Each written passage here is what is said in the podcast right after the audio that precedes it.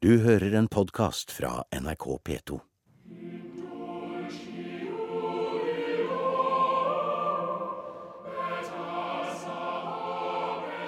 Det blir julestemning i museum i dag. Her er vi allerede i gang med Lessons and Carols, og den tråden skal vi straks ta opp igjen når vi går inn i St. Edmunds kirke i Oslo. Og vi skal forfølge det britiske temaet med et besøk til Yorkshire og Skottland, hvor vi får høre om Rootwell-korset, kanskje det aller eldste steinkorset med norrøne ornamenter. Og så skal vi hjem igjen, som det heter, til et besøk på Bryggen museum i Bergen. Der får vi høre litt om hvor ordet jollene og de aller eldste juleskikkene kommer fra. Og oppi alt dette blir det musikk, pluss noen andre små pakker under museums juletre. Og så her borte har vi vel en av disse Og det er Margaretakirken. Det er Margaretakirken. Men vi starter i Oslos julegater. Et godt stykke oppe i Møllergata, på Hammersborghøyden, hvor vi finner fram til en vakker liten kirke i rød teglstein, oppført i 1884. Nå skal vi gå opp den fine lille trappa her, og inn i en veldig fin liten bue som vi går inn i her nå. Så forsvinner bytrafikken bak oss. Det var i romjulen i 2007 museum besøkte dronning Mauds kirke i Oslo. Og vi hadde med oss forstander Sigrid Kvål og kongebiograf Tor Boman Larsen.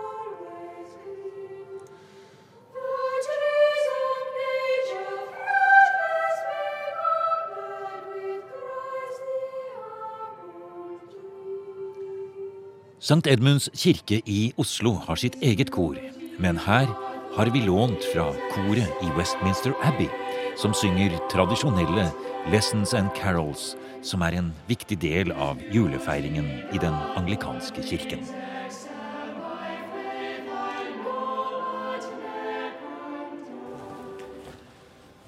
Og for et flott kirkerom det er, altså. Ja, og det, det gir straks en litt sånn vikingfølelse Ja. på grunn av taket her. Og de hvi- hvite veggene, altså dette fantastiske eh, dragestilaktige tretaket. I gamle dager så var det da dekorert i den stilen også rundt i koret. eh, Og med tunge eh, fløyelsgardiner. Eh, Men de er fjernet for mange mange år siden. Og i gamle dager så hang det også messinglamper ifra dragehodene. Eh, Men de ble fjernet for en god del år siden. Og dragehodene kom jo egentlig bedre frem sånn som det er nå. Eh, Og den er jo bygget litt i stil med, med eh, stavkirkene. Sånn at det norske norske styrer igjennom veldig mye i bygningen.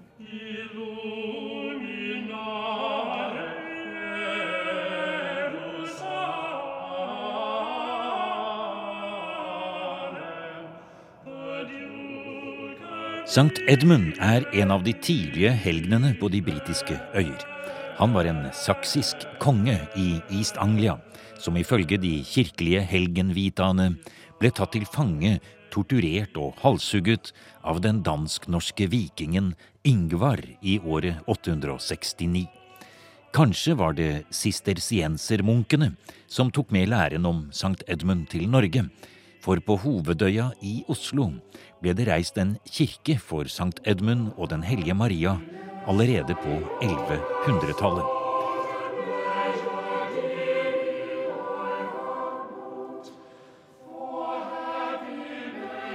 I dag er Sankt Edmunds en moderne kirke med mange nasjoner representert i sin menighet.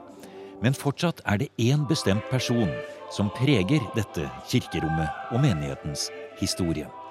Til høyre for koret, på en plass som dominerer kirkerommet og trekker til seg oppmerksomheten med en gang man kommer inn, er et stort relieff av dronning Maud i hvit, hugget marmor.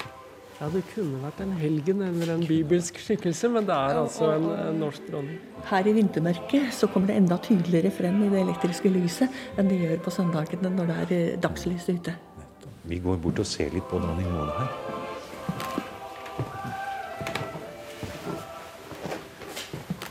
Det er en gave fra kong Haakon. eh, Som ble presentert til kirken i januar i 1940. Og lite visste man vel den gangen at uh, kirken skulle bli stengt et par måneder senere. Uh, men alt det inventaret her ble bevart under krigen. Maud døde jo i, i 38, ikke sant? så det er i flukten. Og det var kvinnene i menigheten som gjerne ville samle. Uh, samle inn penger. Mm. men til slutt så ble det en gave fra kong Haakon. Og det står en engelsk tekst under der også? In loving remembrance of my beloved wife Maud, queen of Norway. Var det sånn Boman Larsen, at du vil si at dronning Maud var en en religiøs person, eller kom hun hit for å få kontakt med jeg si det, det, engelske, tror du?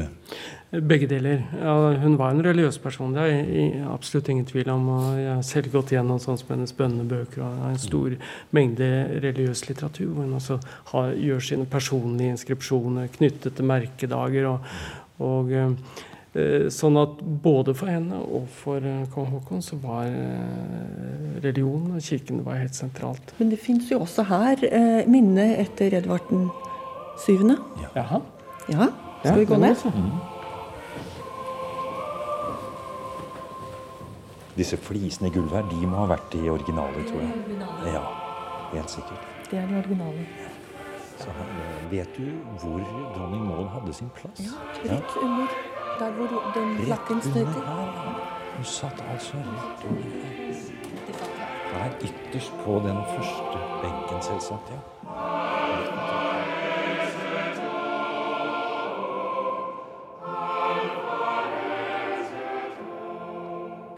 Dronning Maud tilbrakte hvert år lange perioder på sin flotte eiendom Appleton, ikke langt fra den britiske kongefamiliens slott på Sandringham i Norfolk.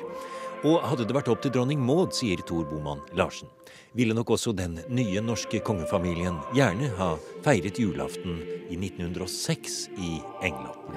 Ja, det, ja, dette er en fascinerende historie. Man må jo på en måte forstå dem også, da. De er jo fra sin private tilværelse, han som sjøoffiser, hun rett og slett som kongsdatter og prinsesse, skal plutselig eh, så å si representere et folk på det høyeste statsnivå. Eh, og så kommer da til julaften, som er den mest private av alle høytider. må vi kunne si, altså En familiejul som vi alle vil feire. Og de var vant til da å feire den i sin krets, og aller helst da på Sandringham, eller Appleton, dette kongelige området i England. Og de havner jo der borte. De, I forlengelsen av sitt første statsbesøk, som gikk nettopp til England, så øh, legger de seg til ro på Appleton. Kongen går på jakt, og Maud uh, er sammen med sine slektninger og, og, kjente. Og så begynte julen å nærme seg, og, og, og den norske hoffsjef Rustad, som er der borte, og Fridtjof Nansen, som den gang var vår minister i London, disse begynner å bli urolige. Nå nærmer julen seg, og vi er fortsatt i England. Og, det er jo klart at der hvor du er hjemme, der feirer du jul. Altså, det var på en måte en prøvesten. Og Bernadottene, vårt forrige kongehus, de feiret alltid julen i Stockholm. Bare én eneste gang, tror jeg, i hvert fall i kong Oskars tid, så var det lys på Slottet. Jeg tror det var i 1901 eller noe sånt at de faktisk feiret julen der. Men ellers måtte Kristianias borgere gå og se på disse mørke gluggene i Det kongelige slott. Og, så kommer da den andre julen med, med vårt eget kongepar.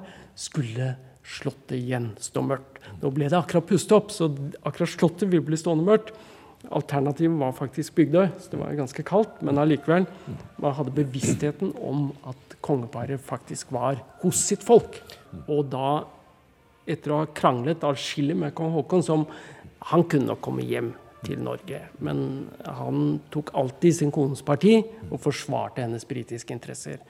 Så til slutt så måtte uh, de norske sendemennene altså gå til den britiske, den engelske kongen, Edvard 7., som var den høyeste autoritet i verden på den tiden, og si kan ikke du hjelpe oss å få kongeparet hjem til jul? Og han beordret da sin datter hjem til Kristiania. Og de kom hjem, og dermed var tronen så å si reddet. Fordi det hadde vært en forferdelig, eh, en forferdelig nedtur for det norske folk å se at Oi, de ble i England. Vi var ikke bra nok, ikke sant.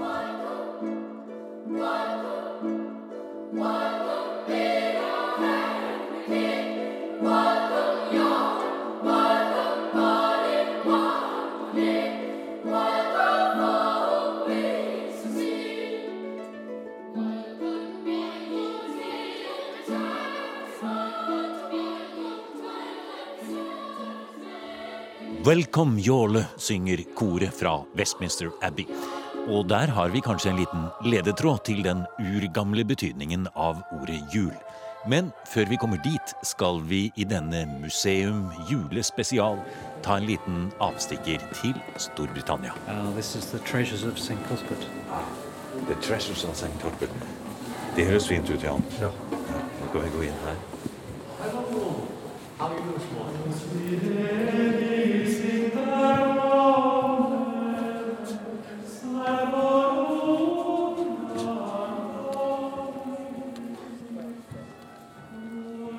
Da vi la ut på denne reisen, var katedralen i Durham det helt naturlige stedet å starte. Det var jo en av de første store katedralene som ble reist. Vi snakker om tiden like etter første korstoget og begynnelsen av eh, 1100-tallet. Durham Cathedral er på mange måter Nidarosdomen i England. Erkebispesetet, kloster og først og fremst relikviekirken til den hellige Cuthbert fra Lindisfarne. Uh, this is uh, the fragments of uh, the coffin of St. Cuthbert. Uh, Her, foran restene av kisten til Northumbrias skytshelgen, nede under hvelvene i katedralens flotte museum, har vi kommet tilbake til slutten av 600-tallet, da Cuthbert hadde sitt virke som prest, munk, biskop og eremitt. Det er på denne tiden det fargerike og vakre håndskriftet Lindisfarne Gospel blir til. Hvis man ser på dette her, så ser man jo at det er et tydelig korstegn i dette her. Det er kors i kors. Men det som vi har på andre siden, som altså er eh, illustrasjon av den første linjen i dette evangeliet, det er, eh, det er utrolig spennende. For her ser vi egentlig hvordan det stedegne, abstrakte kunstuttrykket, altså ornamentene, er brukt her til å fremheve og dekorere den første bokstaven, de første linjene. Her ser vi den si, angelsaksiske eh, ornamenteringskunsten, altså disse uttrykkene, tatt i bruk i en, eh, i en kristen evangeliebok.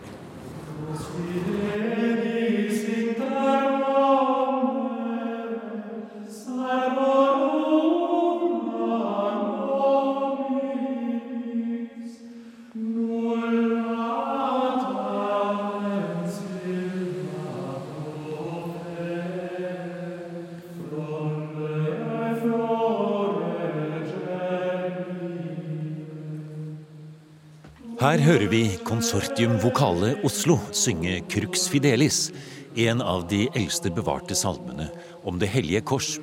Og det tar oss til en liten kirke, helt nede ved kysten ut mot Irskesjøen, rett over grensen til Skottland fra Northumbria.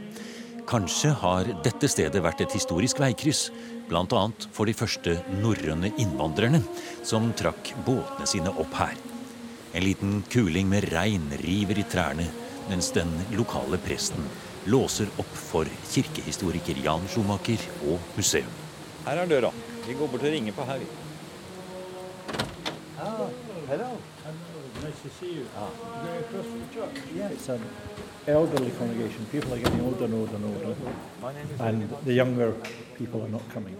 It, it, they take it for granted. You know what I mean? They, they, they come in and somebody says, that's the Rothwell Cross. Oh, yes. Det som virkelig slo meg, det var jo hvor godt bevart dette korset er.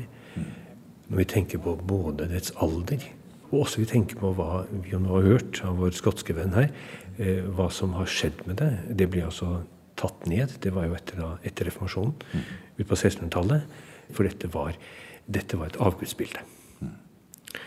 Eh, Så hugde man det ned, man tok det ned i tre deler, og så begrov man det under kirkegulvet her, som da var av hårtrampet jord. Man finner ut at nei, man vil ha det opp igjen. Og eh, vi har også nettopp hørt at den øverste delen av korset, vi ser at det er litt forskjell i, i fargene her, den har altså Det var en graver her på kirkegården som fant. Han skulle grave opp en, en, en ny grav, og så støtte han på en stein. Og Så begynte han å, å, å, avdekke den, og så skjønte han at dette var ikke noen vanlig stein. Og jeg må jo si, nå har vi vært ute på hedene i Yorkshire og sett på hvordan korsene ser ut der. Og her ser vi, Jan, hvordan de faktisk har vært. Ja, her ser vi, eh, her ser vi mm, selve det grunn, altså de grunnmotivet langs siden her som vi har sett før eh, på denne turen, nemlig disse vinrankene, grenene, som slynger seg oppover og oppover og oppover. Og der har de vært litt utslitt, men her ser vi at det stråler frem mot oss. Ja, Det er helt ja, ja. eh, tydelig. Og så ser vi noe mer. Dette treet som vi ser her, med, med disse mm, rankene som slynger seg oppover, det er jo da tett befolket. Ja, det er nettopp det. Her ser vi, her ser vi fugler, her ser vi konturene. Vi har, vi har to-tre fugler her. Vi ser noen andre typer dyr også som, Som befinner klatrer i grenene. De, Og vi ser hvor de ikke bare Nei, klatrer i grenene. de er der. De, ja, de er der, og de spiser. De spiser av noe som vokser her. Ja. Ja. Drueranker, kanskje, eller noe annet. Ja. Eh, og da må man vel kanskje eh, Når man ser på dette her, så, så skjønner man jo at noen, noen har villet se på akkurat dette motivet her ikke bare som ornamentikk, men at dette, dette, dette systemet av vinranker og eh, skapninger som, som får sin føde i dette treet, at dette er eh, Dette er ikke bare pynt, men det vil si noe om korset. Eh, Det vil si noe, at, om, si noe om at det er et tre. At korset er et tre, og at det ikke er et dødens tre, men et livets tre. Det er en billedgjøring, men det er også en billedgjøring som også har tekst. Hvis, vi, hvis du ser nøye etter på Ja, vi går litt nærmere her. Vi går inntil, for Nå skulle jeg akkurat til å si nettopp det, at selve rankemønsteret er så tydelig, bortsett fra der hvor korset har stått nede i bakken. Og ytterst, kan man si, i hjørnene på korset, så er det runeskrift. Det er runeskrift. Gerede hine god almeiti, ta hen valde on galgo gistiga. Altså on galgo gistiga. Han ville stige opp. På galgetreet. Ja. Og, det var den, og han kledde av seg Den allmektige kledde av seg. Og dette er jo kan si, Her er vi jo faktisk inne i eh, den kristne kirkes helt grunnleggende mysterium.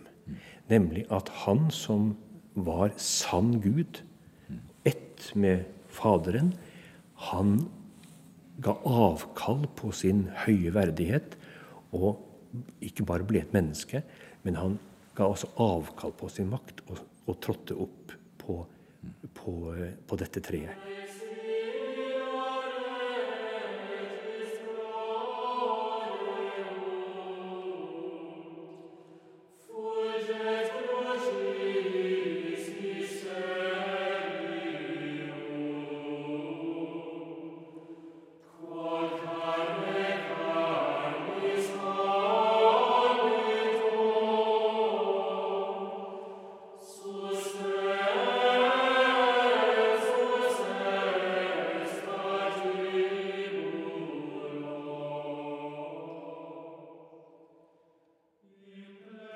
Og med denne bildebibelen i stein med ornamenter og runer, som antagelig må være blant de aller første kristne impulser som norrøne sjøfarere og vikinger kom i kontakt med langt tilbake på 700- og 800-tallet, forlater vi de britiske øyer. Med den gregorianske Vexilia Regis lander vi i vår egen tid, denne gang på Bryggen i Bergen. Med et program fra 2003, da museum møtte professor Reimund Kvideland på en utstilling over hvordan juletradisjonene har skiftet gjennom tidene. Ja, tradisjoner har aldri vært en konstant faktor. Det har alltid endret seg. Det ser vi på alle områder av tradisjonen. Og i, vi har kanskje en romantisk forestilling om at tradisjon det er noe som er hundrevis av år gammelt. Men ser en på hvordan folk bruker uttrykket, så er det faktisk slik at ja, dette gjorde vi i fjor, så nå er det en tradisjon. Altså, øh, Selve tidslengden på hva en regner som tradisjon har forandra seg, tror jeg ganske sterkt i løpet av de siste uh, tiåra. Folk oppfatter også disse nye tingene som tradisjon. Eh, Men en av de tingene Kvideland, som vi i hvert fall helt sikkert har bevart fra førkristen tid, det er jo selve ordet jul. Eller jollene. Eh, opprinnelsen til dette ordet. Hvor kommer det fra? Det vet vi ikke. Vi vet heller ikke helt sikkert hva det betyr. Men eh, vi har eh, eldre kilder til det. Og den første kjelde, skriftlige kjelde den er fra 300-tallet i et eh, gotisk håndskrift. Og seinere, rundt omkring 900 000, så får vi det inn også i nordiske kjelder. Og da betyr det en festperiode ved midtvinters. Ved solsnuen. Og det var en periode som varte i eh, lengre tid, fra 15.11. til 15. Januar, eller kanskje lenger. Men dette ordet jol eller jolle, det, det mener du det har sine røtter helt tilbake på 300-tallet, det altså? Ja, det kan ha lengre røtter også, men lengre tilbake kjenner vi det ikke. Det er indikasjoner også på alderen i det faktum at finskler lånte ordet to ganger. Første gangen som et ord for fest, og i neste omgang som eh, i betydningen jul. Det har nok vært et germansk, angelsaksisk eh, ord i, i, fra begynnelsen av. Men seinere har jo i andre land eh, kristmesse overtatt i form av Christmas og lignende ord. Men det er interessant det, Kvidland, at du gir altså da et eh, folkloristisk eh, skal vi si, begrunnelse for at handelsstanden kan starte tidlig, du. For eh, jul, jollene, det skal starte tidlig, det. Ja, det, det skal det jo. Men når vi i Norge, eller i, i vår tid, begynner ved, i begynnelsen av september, da har de jo strekt perioden vel langt, syns jeg. Men, men, det som er det helt spesielle med julefeiringen, det er jo at det er altså da en, en sammensmeltning av en hedensk, eh, førkristen feiring og en kristen kirkelig feiring, og nå også kanskje da en ren kommersiell feiring. Og La oss ta det med en gang. Gavene, hvor kommer de fra? Ja, det er ingen folkelig tradisjon i forbindelsen av, men uh, det er en tradisjon der uh, herskere, konger og andre stormenn gav gaver til sine eh, hirdemenn eller sine nærmeste omgivelser. Eh, og det var opprinnelig en form for nyttårsgaver. Gaver i den forstand, slik som nå, det er en relativt ny, ny skikk. Men der ser jeg det står en flott enebærbusk med norske flagg på osv. Er det i hvert fall en gammel ting, da? Ja, juletre det er noe som går tilbake til steinalderen, er det de som sier. Men i virkeligheten så ble det jo eh, Kom det fram i Tyskland på 1600-tallet, kanskje slutten av 1500-tallet. Og vi fikk det først rundt omkring 1900, egentlig, i, i vårt land. Og det er kanskje også forklaringen på de norske flaggene som henger der? Det har nok en sammenheng med nasjonsbyggingen og 1905 og vår egen selvstendighet. Jeg tror Norge må være det eneste landet i verden med flagg, nasjonalflagget på juletre. Grønne, glitrende som god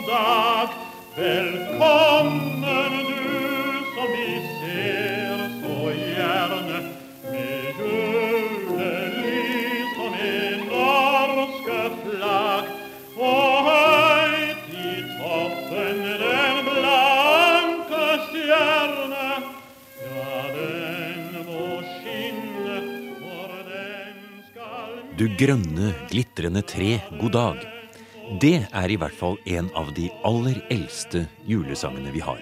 Minst 130 år gammel. Her sunget av den legendariske norske tenor Gunnar Grårud. En gang et verdenskjent navn fra operahusene i Berlin og Wien.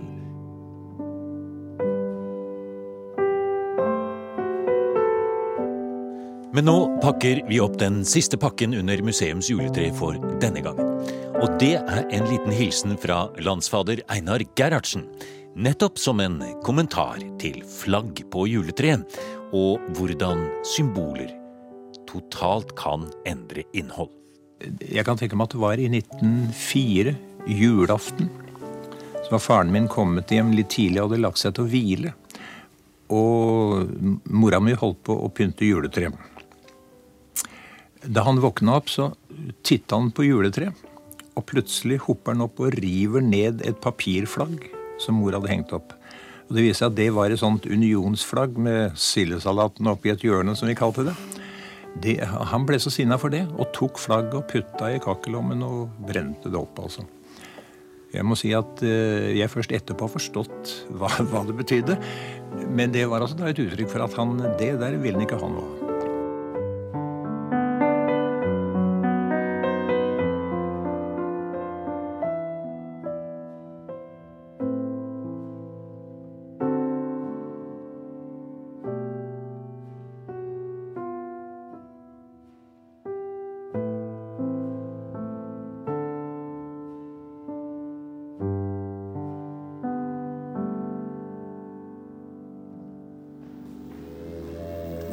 hørt en podkast av programmet Museum fra NRK P2.